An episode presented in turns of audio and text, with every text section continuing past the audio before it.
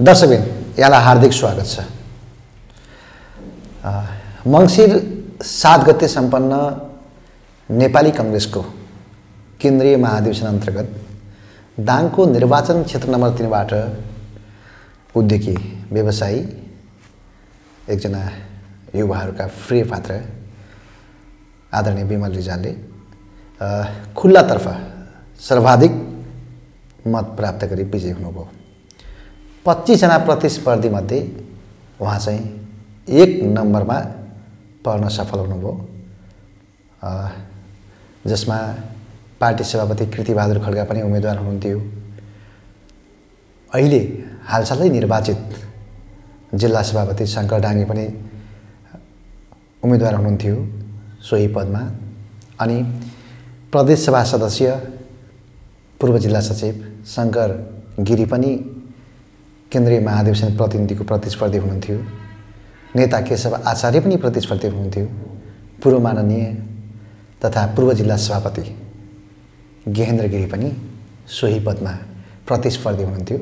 उहाँहरू सबैभन्दा विमल रिजालले सबैभन्दा बढी मत प्राप्त गर्नुभयो।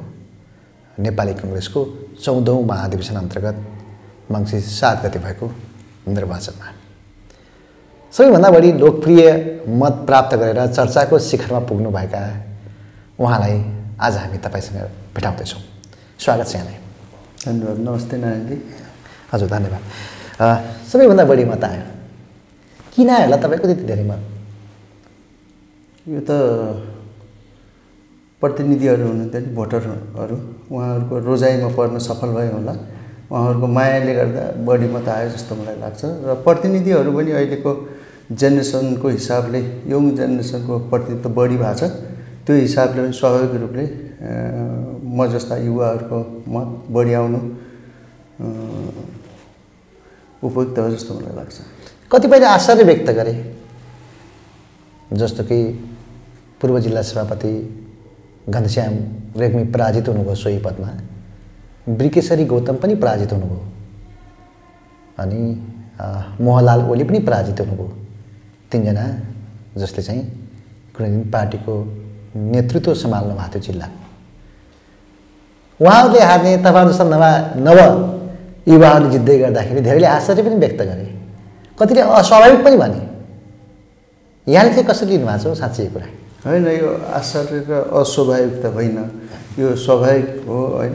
अब प्रतिस्पर्धामा प्रक्रियामा गइसकेपछि रिजल्ट चाहिँ स्वीकार गर्नु सबभन्दा ठुलो महानता हो। अब अहिले थोरै चेन्ज पनि खोजे हो नेपाली काङ्ग्रेसका साथीहरूले जस्तो मलाई लाग्छ।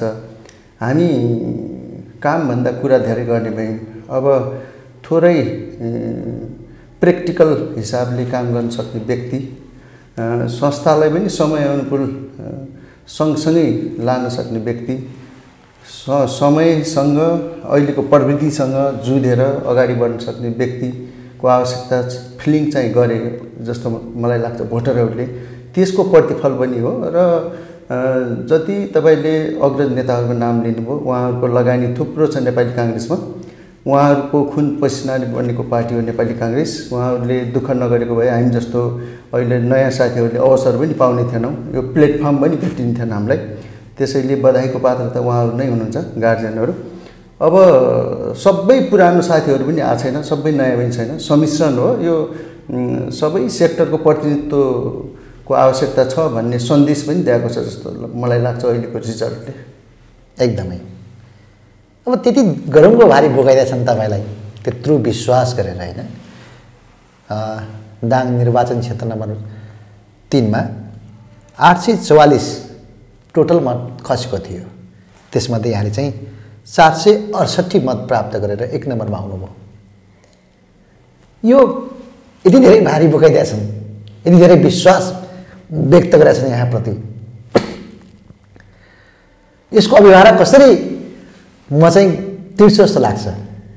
होइन मलाई कस्तो लाग्छ भने पक्कै पनि जिम्मेवारी त थप भएको छ। मलाई त्यो फिलिङ भएको छ। मैले महसुस गरेको छु। म उहाँहरूको मतको कदर गर्दै उहाँहरूलाई सम्मान गर्दै अगाडि बढ्ने कोसिस गर्छु। नेपाली काङ्ग्रेसको नर्म्सभन्दा बाहिर गएर मेरा क्रियाकलापहरू मेरा बोली वचनहरू कहिले पनि सोसाइटीमा आउने छैन र सोसाइटीबाट मैले जति माया पाएँ अब क्षेत्रीय प्रतिनिधिहरू सभापतिज्यू जुन भोटरहरू हुनुहुन्थ्यो उहाँहरूले जसरी मलाई माया गर्नुभएको छ त्यो मायालाई मायामा म खरो उत्रिनुपर्छ। मेरो जिम्मेवारी बढिया छ। मलाई लाग्छ मैले लामो समयदेखि सङ्घ संस्थामा काम गरेँ सोसाइटीमा सामाजिक कामहरूमा सेवा गर्ने अवसर पाएँ। त्यसको अनुभव पनि छ र म निजी क्षेत्रको प्रतिनिधि भएको हिसाबले व्यवस्थापनमा म गर्न सक्छु। चुस्त दुरुस्त व्यवस्थापन गरेर नेपाली काङ्ग्रेसलाई अरू प्रतिस्पर्धी पार्टीभन्दा अगाडि दौडाउन कुदाउन मेरो थोरै पनि सहयोग पुग्छ भन्ने मैले अपेक्षा ल्याएको छु र उहाँहरूले जुन विश्वास गर्नुभएको छ त्यो विश्वासलाई सँगसँगै लिँदै आत्मसात गर्दै अगाडि बढ्ने मेरो भरपुर कोसिस हुनेछ। मलाई लाग्छ म चाहिँ गर्न सक्छु। एउटा आश लाग्दो उमेरको युवा जसले यहाँले भने जस्तै विगतमा थुप्रै समाज क्षेत्रमा उदाहरणीय काम पनि गर्नुभएको छ। Clean Tulsipur clean Tulsipur. अहिले तुलसीपुर महानगरपालिकाले स्वामित्व ग्रहण गरेका छ। यद्यपि त्यो चाहिँ एउटा उदाहरणीय कार्य थियो होइन? त्यसले फोहोर सफा गर्ने आफ्नो फोहोर चाहिँ आफै सफा गरौँ भन्ने एउटा सन्देश प्रवाह गर्न सिकाएको थियो। नपुग्ने त यहाँलाई केही थिएन। तैपनि यहाँ सडकको फोहोर उठाउन आउनुभयो। कुनै दिन अवरुद्ध विमानस्थल सञ्चालन गर्न यहाँले भूमिका खेल्नुभयो निर्णायक। जतिखेर जनप्रतिनिधि थिएनन् तुलसीपुर उद्योग सङ्घको अध्यक्ष यहाँ हुनुहुन्थ्यो। अनि बाढी पहिरो आउँदा होस् भूकम्प जाँदा होस् यहाँहरू बोरा बोकेर गाउँ बस्तीमा पुग्नुभयो। यसको आशय मैले भन्न खोजेको के भन्दाखेरि अलिक प्रश्न लामो होला। समाजप्रति उत्तरदायी जिम्मेवार र देशप्रति जवाब जवाबदेही नेतृत्व खोज्या हुन् अबका पुस्ताले। हो केही हदसम्म त्यस्तो झल्किन्छ देखिन्छ। अब वास्तवमा हामी अरूलाई देखाएर आफू पन्छिने गर्छौँ होइन? तर पोलिटिक्स अहिले नेपालको राजनीति जुन दिशामा गइरहेछ यसलाई नेपाली काङ्ग्रेसले अबको पुस्ताले सम्हाल्न सकेन भने नेपालमा लोकतन्त्र प्रजातन्त्र गणतन्त्रको लागि जति मिहिनेत गर्नुभयो गार्जेनहरूले हामीले जति मिहिनेत गऱ्यौँ यो चाहिँ चाहिँ व्यर्थ व्यर्थ सिद्ध हुनेवाला छ। त्यसैले नेपाली काङ्ग्रेसप्रति अहिले जिम्मेवारी पनि आएको छ र अहिले अवसर पनि आएको छ। जुन हिसाबले विभिन्न पार्टीहरू छरिएर रहेछन् मनमुटाव भएको छ बढेर गएको छ यसले नेपाली काङ्ग्रेसलाई एउटा फेरि अवसर पनि प्रदान गरि गरेका छ। नेपाली काङ्ग्रेसले आफ्नो पार्टीलाई अगाडि लाने त छँदैछ देशको समृद्धि र विकासमा पनि नेपाली काङ्ग्रेसको दायित्व जोडिएको छ। तपाईँले भने जस्तै थुप्रै ठाउँ मैले सामाजिक क्रियाकलापहरूमा म सहभागी हुने अवसर पनि पाएँ। र मलाई आत्मसन्तुष्टि पनि लाग्छ त्यस्ता सेवा गर्ने अवसर पाउँदा। र ती सेवाहरूले हामीले गर्ने सानो सेवाले सोसाइटीमा ठुलो सन्देश दिन्छ ठुलो सन्देश दिन्छ। त्यो सबै हाम्रो दायित्व वास्तवमा नेपालीहरूले आफ्नो दायित्व पुरा मात्रै गर्दै नेपाल चाहिँ स्वर्ग बन्छ भन्छु म। स्विजरल्यान्ड बनाउँछौँ के बनाउँछौँ भन्थे ट्याक्सको पार्टमा। नेपालमा जे जति ट्याक्समा लिकेज छ ट्याक्सको पार्ट र भ्रष्टाचार मात्रै रोक्न सक्यौँ भने मलाई लाग्छ। एकदेखि दुई दशकमा हाम्रा नेताहरूले जुन बोल्नुहुन्छ नि गर्नु न बोल्नुहुन्छ नि नेपाल चाहिँ त्यो बनाउन सकिन्छ जस्तो लाग्छ। त्यसैले कुनै क्षेत्र त्यस्तो छैन भ्रष्टाचार बिनाको सेक्टर त्यस त्यस्तो छैन। जहाँ भ्रष्टाचार हुन्छ जहाँ गैर जिम्मेवारी छ जहाँ आफ्नो दायित्व पुरा गरिन्छ त्यो कुनै सेक्टर छैन। सबै ठाउँ लापरवाही छ। अनुशासनमा कोही पनि बसेको छैन। त्यसमा म पनि पढ्छु होला। त्यसैले हामीले आफूलाई आफैबाट सुधार्न सक्यौँ भने हामीले देशलाई अग्रगतितिर लान्छौँ। होइन भने त मलाई लाग्छ नेपालको स्थिति अहिले हामीले जुन फिलिङ गरिरहेछौँ हेरिरहेछौँ देखिरहेछौँ भोगिरहेछौँ योभन्दा जर्जर हुन्छ जर्जर हुन्छ। त्यो भनेको अब देश रहने कि नरहने भन्नसम्म पनि जान सक्छ। त्यसैले हाम्रा अघिल्ला पुस्ताहरू हाम्रा गार्जेनहरू गम्भीर त हुनु भएन। अबको आउने सबै पार्टीका पुस्ताहरूले यो बारेमा गहन छलफल गरेर गम्भीरतापूर्वक सोचेर अगाडि बढ्न सक्यौँ भने थोरै यो अहिलेको ट्र्याकभन्दा बाहिर गएको पोलिटिक्सलाई ट्र्याकमा ल्याउन सक्छौँ जस्तो लाग्छ। गाह्रो चाहिँ गाह्रो रहेछ पोलिटिक्स। यो मान्छे बनेर अथवा राजनीतिक बनेर काम गर्नुभन्दा देउता भगवान् बनेर ढुङ्गा बनेर बस्न सजिलो हुँदो रहेछ। ढुङ्गालाई सबैले ढोक्छन् हामीले सबैले ढोग्नु पर्दो रहेछ। त्यसैले पाठ चाहिँ गाह्रो रहेछ यो पोलिटिक्सको फिल्ड चाहिँ गाह्रो रहेछ। मलाई स्टार्टिङ फेजदेखि नै त्यस्तो फिलिङ भइरहेछ। तर अब हाम्रा जुन विकृतिहरू पनि थुप्रै रहेछन् हाम्रै पार्टीभित्र पनि ती विकृ विकृति विसङ्गतिहरूलाई पन्छाउँदै हामी अगाडि बढ्न बढ्नुपर्ने एउटा चुनौती पनि छ। ठिक छ। थुप्रै मैले। यहाँनिर अलिकति यहाँलाई रोकेँ। जस्तो कि तुलजुरमा एउटा गतिलो अस्पताल पनि छैन। होइन? सामान्य चोटपटक अथवा कुनै सर्जरी गर्नु पऱ्यो भने हामी बाँके दौडिनुको विकल्प छैन। चिच्याउँदै कराउँदै बिरामीलाई यहाँबाट लैजानुपर्छ। छटपटाउँदै बिरामी जान्छन्। एम्बुलेन्स भाडा बढ्यो खर्च बढाएको छ। होइन?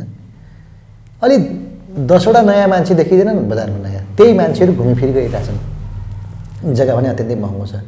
जस्तो कि कोलपुरमा कति मुभमेन्ट छ। भैरवा चितवनमा कति मुभमेन्ट छ। त्यहाँको रोडको एसेस कस्तो छ? हाम्रो कस्तो छ? यहाँले कुनै दिन भन्ने गर्नुहुन्थ्यो। अब गतिलो एउटा होटेल खोल्ने योजना छ सपना छ। यहाँले देश बनाउने कुरा गर्नु दाङ बनाउने कुरा। किनकि यहाँ नाइन्टी नाइन फरकभन्दा बढी फरक। आफू अध्यक्ष हुँदाखेरि एयरपोर्टको विस्तारको लागि सुचारको लागि प्रत्येक नेता धाएको प्रत्येकलाई रिपोर्ट आफ्नो फाइल बुझाएको नेता हो।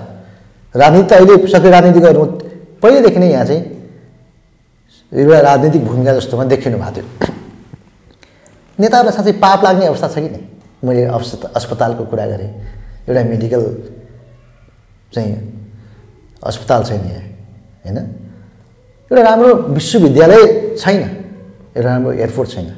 तपाईँ कुनै दिन सत्तामा पुगेँ सत्यमा पुग्यो भने यो जिम्मेवारी वहन गर्न सक्छु अथवा लाग्छु भन्ने लाग्छ कि लाग्दैन होइन हजुरले भने जस्तै म त्यो पाप धर्मको कुरा त गर्दिनँ कसैलाई दुःख पुग्ने कसैलाई असर पुग्ने कसैलाई नराम्रो हुने कर्म मैले गर्छु भने नै त्यो महापाप हो त्यो कसैले पनि गर्नु हुँदैन म सत्तामा पुग्यो भने शक्तिमा पुग्यो भने म कुनै जिम्मेवारीमा रह्यो भने कसैलाई चित्त दुख्ने काम गऱ्यो भने त्यो महापाप हो त्यस्तो काम गर्नु हुँदैन अब तपाईँले भने जस्तै रह्यो स्वास्थ्य र शिक्षाका कुरा यातायातको कुरा हाम्रो बाटो एक्सिसका कुरा राम्रो होटेल छैन। हवाई यातायातको कुरा होटेल पर्यटनका सँग गाँसिया कुराहरू सबैको स्टार्टिङ फेज यसको ब्रेकर भनेको तुलसीपुरको टलीगाउँ एयरपोर्ट नै हो टलीगाउँ एयरपोर्टको स्तर उन्नति भएर टेन्डर प्रक्रियामा गएर काम सुरु हुन दिन होटेल यस्ता यिनी अस्पताल शिक्षा सेक्टरका कामहरू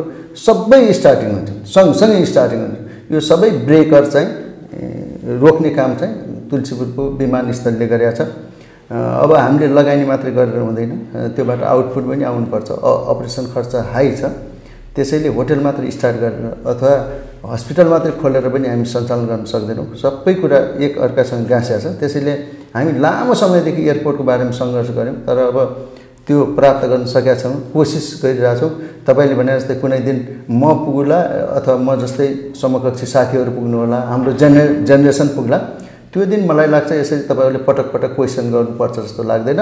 हामीले नै हामीले यति काम गऱ्यौँ है नारायण भाइ भन्ने दिन पनि आउँछन् जस्तो। ए तपाईँहरूले विगतमा तपाईँको क्रियाकलाप हेरेर हामी झकझक्याएको आश छ नि त धेरैलाई।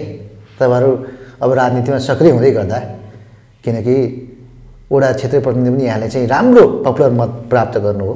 अहिले पनि एकदमै लोकप्रिय मत प्राप्त गर्नु हो। एउटा आश लाग्दो तारा त हो नि तपाईँ यस क्षेत्रको। त्यसकारण हामी तपाईँलाई भन्नुपर्छ यसभन्दा विगत क्रियाकलापले गर्दा पनि। यदि साँच्चीकै अब योभन्दाको अगाडिको यात्रा मेरो के होला भन्ने लाग्छ तपाईँ राजनीतिक यात्रा? यसो रहेछ राजनीति यात्रा भन्दा त अब मलाई जिम्मेवारी दिएपछि म सबै गर्न सक्छु भन्ने म एकदम ढुक्क छु होइन? मलाई त्यो कन्फिडेन्ट लेभल मैले के भने भन्दाखेरि तपाईँहरू चाहिँ रोल मेकर किङ मेकर भन्छन् तुलसीमा तपाईँहरूलाई। तपाईँहरूले जे चाहे त्यही गराउन सक्नुहुन्छ। तपाईँहरू जस्तै केही युवाहरू हुनुहुन्छ यहाँ होइन? अहिलेसम्म अरूलाई मात्रै किङ बनाउनु थियो अब आफै चाहिँ किङ भन्ने ठाउँमा आइपुग्नु भएको छ। मान्छेहरू भन्छन्। विमल रिजाल अब भाइटल पोस्टमा किसिमले दाबी गर्छन् है। महासमिति सदस्य पनि भइहाल्छन्। अब कि तुलसीपुरको मेयर उठ्छन् कि भने प्रदेशसभा सदस्यमा उमेर दिन्छन् कि भन्ने व्यापक गाई चियागफहरू चल्न थालेका छन् होइन त्यो त अब समयको माग हो। समयले मलाई यहाँसम्म पुर्याएको छ। म कुनै रहरले अथवा जबरजस्ती बाध्यताले पनि आएन समयको माग सँगसँगै म यहाँ आइपुगेको छु। भोलि तपाईँले भने जस्तै समयले माग भयो र मलाई परिस्थिति अनुकूल भयो साथीहरूले सहयोग गर्नुभयो रिक्वेस्ट गर्नुभयो भने म जहाँ पनि बसेर सेवा गर्न तयार छु। त्यो म नकार्दिनँ। तर अब तपाईँले तपाईँको चाहना हो कि? होइन मेरो पनि सँगसँगै अहिले समय सँगसँगै मेरो चाहना पनि हो अब बिस्तारै किनभने म फिफ्टी क्रस गरिसकेँ होइन। अब बिजनेसको उसमा फिल्डमा मैले गरेँ मैले गर्न सक्ने जति मिहिनेत गरेँ। अब बिस्तारै सोसाइटीमा एउटा तपाईँले भने जस्तै रिजल्ट निकाल्नलाई एयरपोर्टको कुरा होस् यातायातको कुरा फोर लेनको कुरा हस्पिटलको कुरा यस्ता कुराहरूमा हामीले भनेअनुसारको काम गर्नलाई एउटा प्लेटफर्म अ, एउटा सेवा गर्ने ठाउँको आवश्यकता पर्दो रहेछ। हामी घर बसेर अथवा मैले व्यापार सञ्चालन गरेर यी कुराहरू सबै पुरा हुने रहेछन् भन्ने मलाई पनि फिलिङ भयो। र जुन अब मेकर अथवा अरूलाई बनाउने आफू बन्ने उसमा त लगनशीलता इमान्दारी र अनुशासन भयो भने त्यो चाहिँ प्रमाणित अहिलेको जिल्ला हाम्रो दाङ जिल्लाको नेपाली काङ्ग्रेसको सभापति शङ्करजीले पनि प्रमाणित गर्नुभएको छ। दुई दुईपल्ट पार्टी सचिव भएको मान्छे उहाँको सा शालीनता उहाँको उहाँ उहाँले गर्ने क्रियाकलाप उहाँको धैर्यता उहाँको लगनशीलता उहाँको अनुशासन त्यो हेऱ्यौँ भने हामीले थुप्रै कुराहरू उहाँबाट सिक्नुपर्छ। त्यसैले कमै नेतामा त्यस्तो गुण पाइन्छ। त्यो अवगुण त म भन्दिनँ। भएका गुणहरू जाने पाए थाहा पाए अनुशासन सबै जान्दा जान्दै पनि फलोअप नगर्ने त्यो ट्र्याकमा नहिँड्ने अनुशासनमा नबस्ने गर्दा हाम्रा नेताहरूले हामीले यति दुःख पायौँ। र अब रिजल्ट पनि कचाकुचुक आउनु अथवा यस्तो हामीले क कल्पना गरे भन्दा हामीले सोचे भन्दा फरक रिजल्ट आउने पनि कारण यिनै हुन् जस्तो लाग्छ। त्यसैले हामीले हाम्रा नेताहरूलाई पनि सुधार्नुपर्छ हामी पनि सुध्रिनुपर्छ कार्यकर्ता पनि सुध्रिनुपर्छ नेपाली ठिक छ। यहाँले भने जस्तै आशलाग्दा युवाहरू आएका छन्। तुलसीमा सुरेशमा आउनु भएको छ जिल्लामा। अहिले चाहिँ अ, शङ्कर डाङ्गे आउनु भएको छ सभापतिमा घुराइमा पनि तिलक रावत युवाको महानगरपालिकामा। युवाबाट केही चेन्जेस आउला? तपाईँहरूले भने जस्तै केही आश गर्न सकिन्छ? बुढाखाडाको पार्टी कहिल्यै चाहिँ सुकेको पात झरेको रुख भन्थे नि मान्छेहरू। पलाउला अब रुख। पलाउँछ।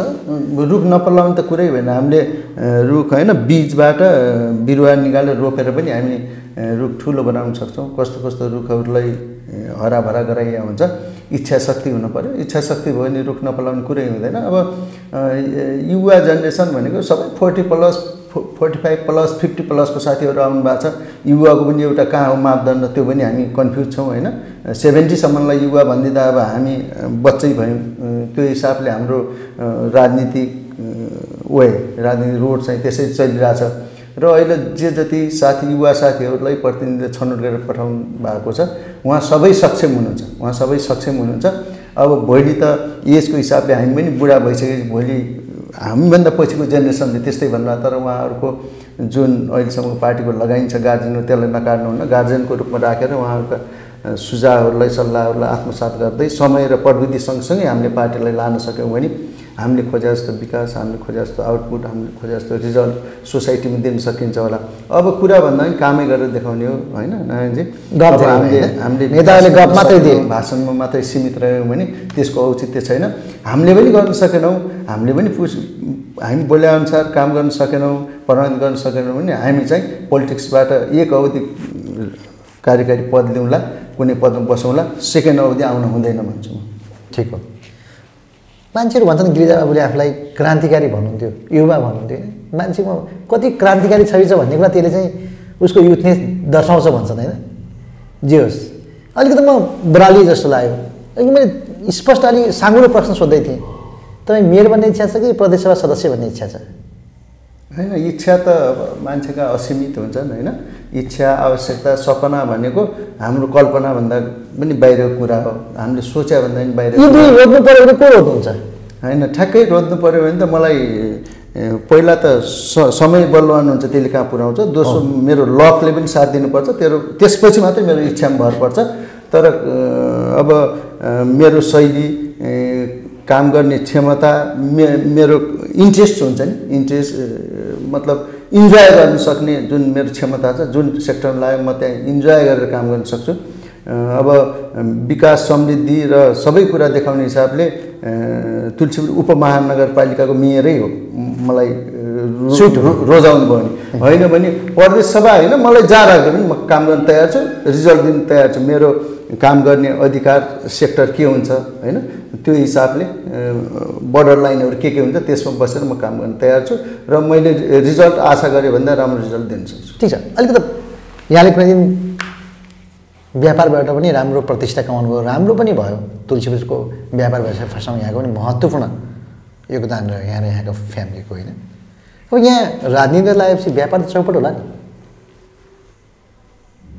त्यस्तो हुँदैन बिजनेस समय र प्रविधि सँगसँगै हामीले परिमार्जन गरेर लिएर आएको छौँ जुन मैले पच्चिस छब्बिस वर्ष पहिले तुलसी पनि स्टार्ट गर्दाको बिजनेसको पोजिसन काम गर्ने शैली हाम्रा प्रविधि हाम्रा तिनी मेसिनहरू सबै कुरो आउँछ त्यो र अहिले म जमिन आसमानको फरक छ हामी यहाँ बसेर काम गरिरहनु पर्ने कुदिरहनु पर्ने अवस्था छैन। हामी नेपालमै नरहे पनि विदेशमै बसेर पनि आफ्ना व्यापार व्यवसायहरू सञ्चालन गर्न सक्ने त्यति इजी प्रविधि आइसकेको छ। मेन पावरको कुरो हो। आफूले कसरी परिचालन गर्ने आफूले कसरी सञ्चालन गर्ने आफू आफ्नो लाइफ स्टाइल कसरी चलाउने भन्ने आफूमा भर पर्छ। त्यसैले पोलिटिक्सका कारणले बिजनेस हेम्बर हुने अथवा फरक पर्ने त्यस्तो अवस्था छैन। ठिक छ। अब अझै तपाईँलाई इरिटेट हुने प्रश्न सोध्छु है। नेता रहँदा तपाईँहरूले होटेलहरू बुक गरिदिनु पर्थ्यो अथवा तेलहरू भरिदिनु पर्थ्यो होला पहिला। अब त्यो झन्झटदेखि मुक्त भयो है। होइन त्यो त आवश्यकता हो। अब नेता आउँदा पाहुना मान्नुपर्छ। पाहुनाहरूलाई त होटेल बुक गरिदिनु पनि पऱ्यो फ्युल पनि हालिदिनु पऱ्यो खाना पनि खुवाउनु पऱ्यो त्यो सबै पाहुनाहरूलाई गर्ने हाम्रो ड्युटी हो। त्यसलाई अब सरस्वती पोजिटिभली सकारात्मक सोच्यो भने राम्रै हो। त्यसैलाई फेरि फुलबुट्टा भरेर घुमायो भने त्यसले अन्य वे दिन्छ। अब त झन् आफू नै राजनीतिमा पोलिटिक्समा आइसकेपछि त्यो ऊ चाहिँ लेभल चाहिँ बढेर जान्छ जस्तो लाग्छ। हाम्रो परम्परा लामो समयदेखि त्यही ट्र्याकमा रहेछ। अब त्यसलाई पनि कतिपय कुराहरू जायज कुराहरू त गर्नु पनि पर्छ आवश्यकता हो साधन हो। कतिपय कुराहरूलाई हाम्रो ऊभन्दा आवश्यकताभन्दा बाहिरको कुराहरूलाई हामीले बिस्तारै न्यूनीकरण गरेर लानुपर्छ जस्तो मलाई लाग्छ। तर यसलाई हामीले कन्ट्रोल गर्न सकेनौँ भने निर्वाचन चाहिँ एक्सपेन्सिभ छ। एक्सपेन्सिभ छैन। त्यही मैले त्यहीँनिर तपाईँले डराउँदै लान खोजेँ प्रत्यक्ष नभनेर गरिबले अब चुनाव लड्न सक्दैनन् काङ्ग्रेसमा भन्ने चिन्ताहरू व्यक्त गरे कतिपय मान्छेले। यो जायज। हो होइन काङ्ग्रेसमा मात्रै होइन कि त अस्ति नेकपाको भए चितवन होइन दसौँ चितवन भएको दसौँ जिल्ला अधिवेशन भयो नगर अधिवेशन भयो अन्त चितवनको त टाढा छ जिल्ला अधिवेशन नगर अधिवेशन सर्वसम्मत रूपले सम्पन्न भएको छ। ज जसका नाम त्यो सूचीकृत भयो तिनको लास्ट टाइम ताली पट्काएर कङ्ग्रेस जस्तो खर्चिलो त देखिएन त्यो। टाइपको गर्न पर्यो। हामीले अहिले प्रजातन्त्र लोकतन्त्र गणतन्त्रका कुरा गर्ने त्यही टाइपको खोज्ने खर्चिलो भयो भनेर पनि हुँदैन। तर जुन कुरा तपाईँले गर्नुभएको छ त्यो सत्यता हो। यसलाई चाहिँ आवश्यकताभन्दा जुन तामझाम बढी छ हाम्रो त्यसलाई चाहिँ न्यूनीकरण गर्नुपर्छ। निर्वाचन आयोगले पनि यसलाई अङ्कुश लगाउनुपर्छ। हाम्रो जुन निर्वाचन प्रणाली छ शैली छ यसलाई पनि चेन्ज गर्नुपर्छ। अब यो चेन्ज गर्न सकेनौँ भने देशको हाम्रो जुन व्यवस्था छ शासन व्यवस्था शासकीय स्वरूप यसमाथि पनि नै क्वेसन चिन्ह उठाउने बेला भयो। भन्दा राठी भन्नु तपाईँ कति खर्च भयो यो महाधिवेशन प्रतिनिधिमा? अनि त्यस्तो सामान्य हो यो महाधिवेशन प्रतिनिधि त हाम्रो तिन नम्बर क्षेत्रमा हो फेरि हामी पार्ट होइन मैले मान्छेलाई के भन्छन् भने मान्छेले विमल रेजाले चाहिँ धनले जिते सुरेश शर्माले धनले जिते भन्छन्। यो सही हो उनीहरूको बुझाइ अथवा गलत हो नितान्त गलत हो? होइन बिल्कुलै गलत हो। धनले जित्ने भए थुप्रै उदाहरणहरू छन् थुप्रै मान्छेहरू लड्नु भएको थियो रिजल्ट आउनु पर्थ्यो। धनले हुन्छ भने त धनी धनी मान्छेलाई ल्याइदिए पो सधैँ काठमाडौँ बस्ने र पैसा बोकेर आएका मान्छे पनि थुप्रै थियो होइन? हो त थुप्रै थिए। त्यसैले सोसाइटीमा जसले एक्चुअल काम गरेको छ सोसाइटीमा जो भिजेको छ सोसाइटीमा जसले पोजिटिभ काम क्रियाकलापहरू गरेको छ जसले मन जित्न सकेको छ त्यही मान्छेका बढी बटा छन्। त्यो मान्छे निर्वाचित भएर आएको छ अब पैसा त खर्च हुन्छ सामान्य हापुरेबाट आएको छ मान्छेहरू उता गगटेबाट आएको मान्छेहरूलाई फर्स्ट डे आउनु छ उहाँहरू अनि सेकेन्ड डे पुऱ्याउनु पर्ने राति बस्नुपर्ने दिउँसोको खाना खुवाउनु पर्ने ब्रेकफास्ट खानुपर्ने। त्यो त सामान्य कुराहरू। यो- यसलाई नै अब पैसा धेरै खर्च गरे अथवा पैसा खर्च हुन्छ पैसा खर्च भयो भन्ने त्यो त्यतातिर लग्यो भने त्यो त आवश्यकता पुरा गरे मात्रै हो त्यसले केही अर्थ लाग्छ जस्तो मलाई लाग्दैन। पोलिटिक्सलाई डर्टी गेम किन भन्यो होला? होइन पोलिटिक्सलाई अब आफू पनि भर पर्छ त्यो कुरा पनि। डर्टी गेम भन्ने भन्दा पनि डर्टी गेम गराइया छ। तपाईँ पनि एउटा गुटबाट उठ्नुभयो नि त चुनाव दिपक गिरीको लाइनबाट केन्द्रीय सदस्य यो गुट उपगुट भन्दा लाइन भन्दा पनि अब इच्छा भएका साथीहरू धेरै हुनुभयो। हाम्रो दुईवटा लाइन भन्दा पनि बढी उम्मेदवार थियौँ हामी। जिल्लामा पनि देख्नुभयो तपाईँ चारवटा लाइन उम्मेदवारहरू थुप्रै हुनुभयो। यो नेपाली काङ्ग्रेसप्रतिको आकर्षण हो। नेपाली काङ्ग्रेसप्रति जुन सिद्धान्त जुन वेमा नेपाली काङ्ग्रेस हिँडेको छ नेपालमा भएका सबै पार्टीभन्दा उत्कृष्ट पार्टी नेपाली काङ्ग्रेस भए हुनाले युवाहरूको महिलाहरूको जनजातिको त्यस्तै तसार मछार छ। थारूमा त्यस्तै छ। खस आर्यमा त्यस्तै छ। थुप्रै उम्मेदवारहरू देखिनु भएको छ। यो नेपाली काङ्ग्रेसको लागि त राम्रो हो हो। नेपाली काङ्ग्रेस पार्टी राम्रो भयो हुनाले जति बढी आकर्षण बढी हुन्छ नेपाली काङ्ग्रेसमा त्यो देश र जनताको लागि पनि राम्रो हुन्छ। किन? नेपाली काङ्ग्रेसले भोलि अरू पार्टीले गर्न नसकेको विकास समृद्धि सहजै अगाडि बढाउन सक्छ जस्तो मलाई लाग्यो। त्यो इतिहासले पनि देखाएको सो यही गुट उपगुटकै कारण आफ्नो नेताहरू बिचमा पनि एक्लै अर्कालाई खुइल्याउने हिलो छ्याप्ने प्रवृत्ति पनि प्रवृत्ति पनि देखियो अरे होइन? तपाईँलाई अलिकति पछाडि लैजाउँ म। उद्योग वाणिज्य सङ्घको चुनावमा कतिपयले तपाईँलाई काङ्ग्रेसै होइन भने कतिपयले तपाईँलाई आक्रमण गर्नेसम्मका कुरा पनि गरे।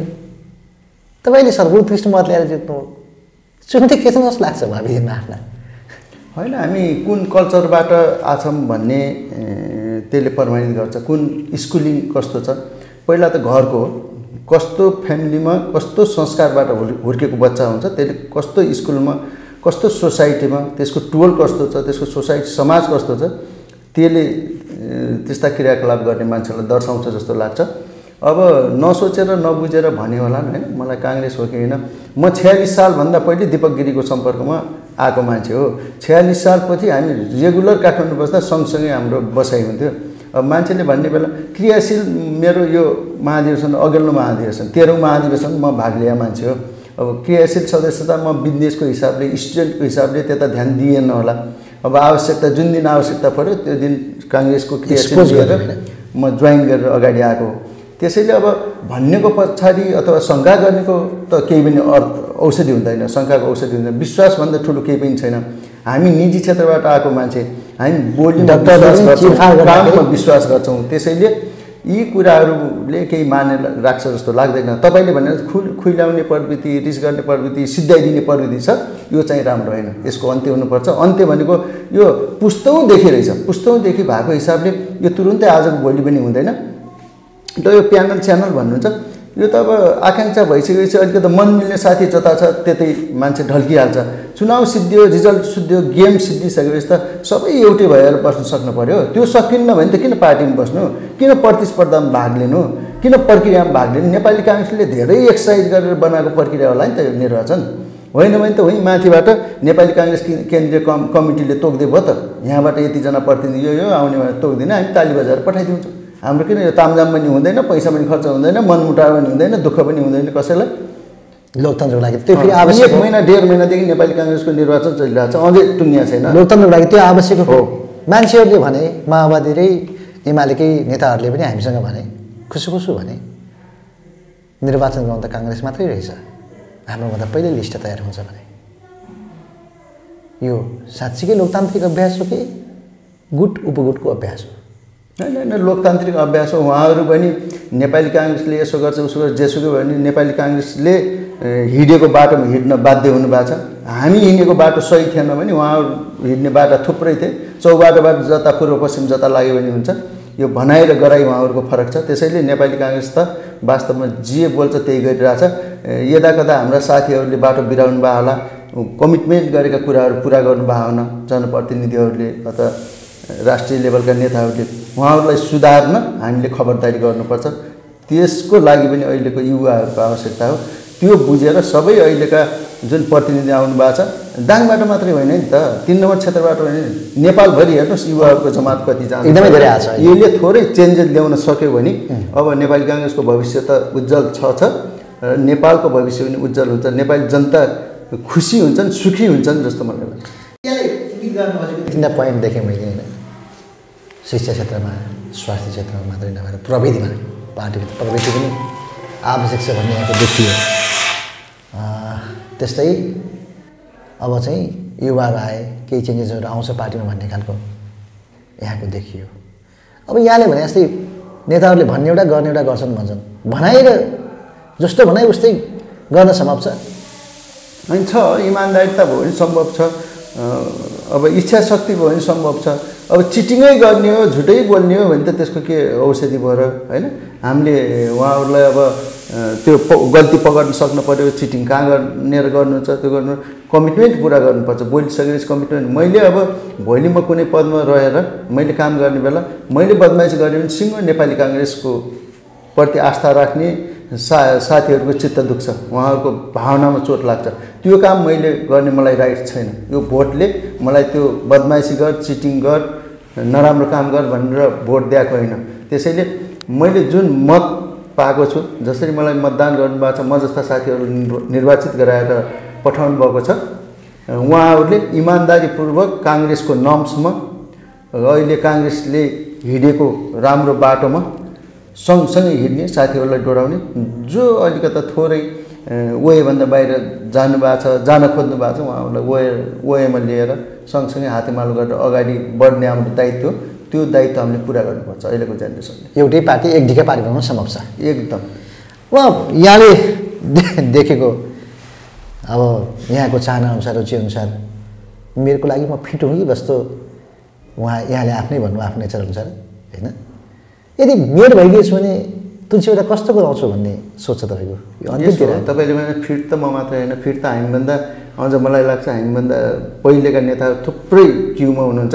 अवसर दिइहाल्नु भयो भने हामीले काम गर्ने हो।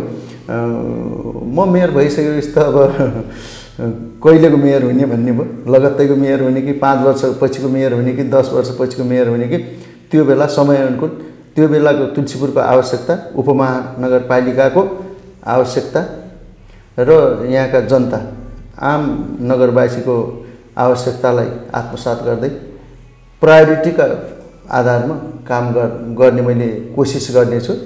र अब मेयर भइहाल्यो भने तपाईँहरूसँगलाई राखेर तपाईँहरू जस्तै साथीलाई राखेर छलफल गरेर तुलसीपुरको आवश्यकता के हो तुलसीपुरका साथीहरूको आवश्यकता के हो? शिक्षा स्वास्थ्य यातायात हवाई खानेपानीदेखि लिएर थुप्रै छ आवश्यकता त कति छ कति? त्यसलाई प्रायोरिटीमा कसले कति बेला गर्ने भन्ने मात्रै हो।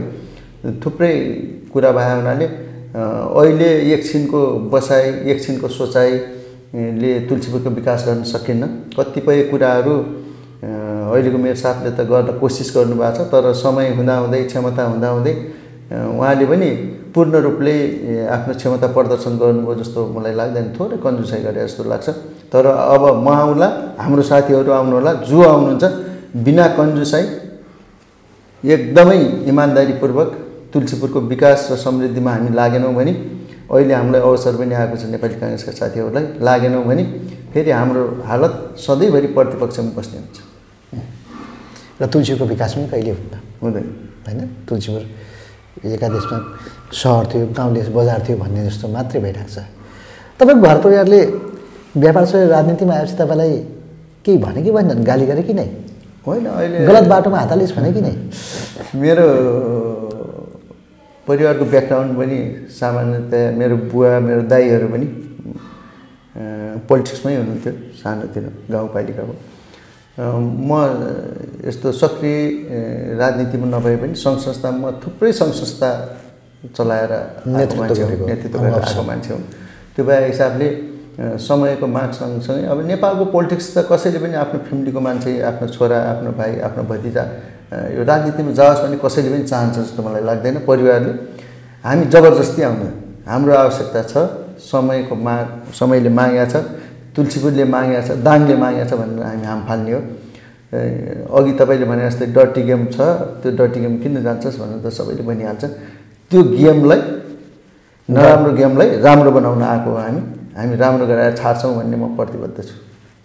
अब टुङ्ग्याम हस्। मैले केही सोध्न छुट्याएँ कि यहाँसँग होइन सबै आएको छ। वास्तवमा यहाँलाई भन्नु भन्नु लागेको त्यही पनि।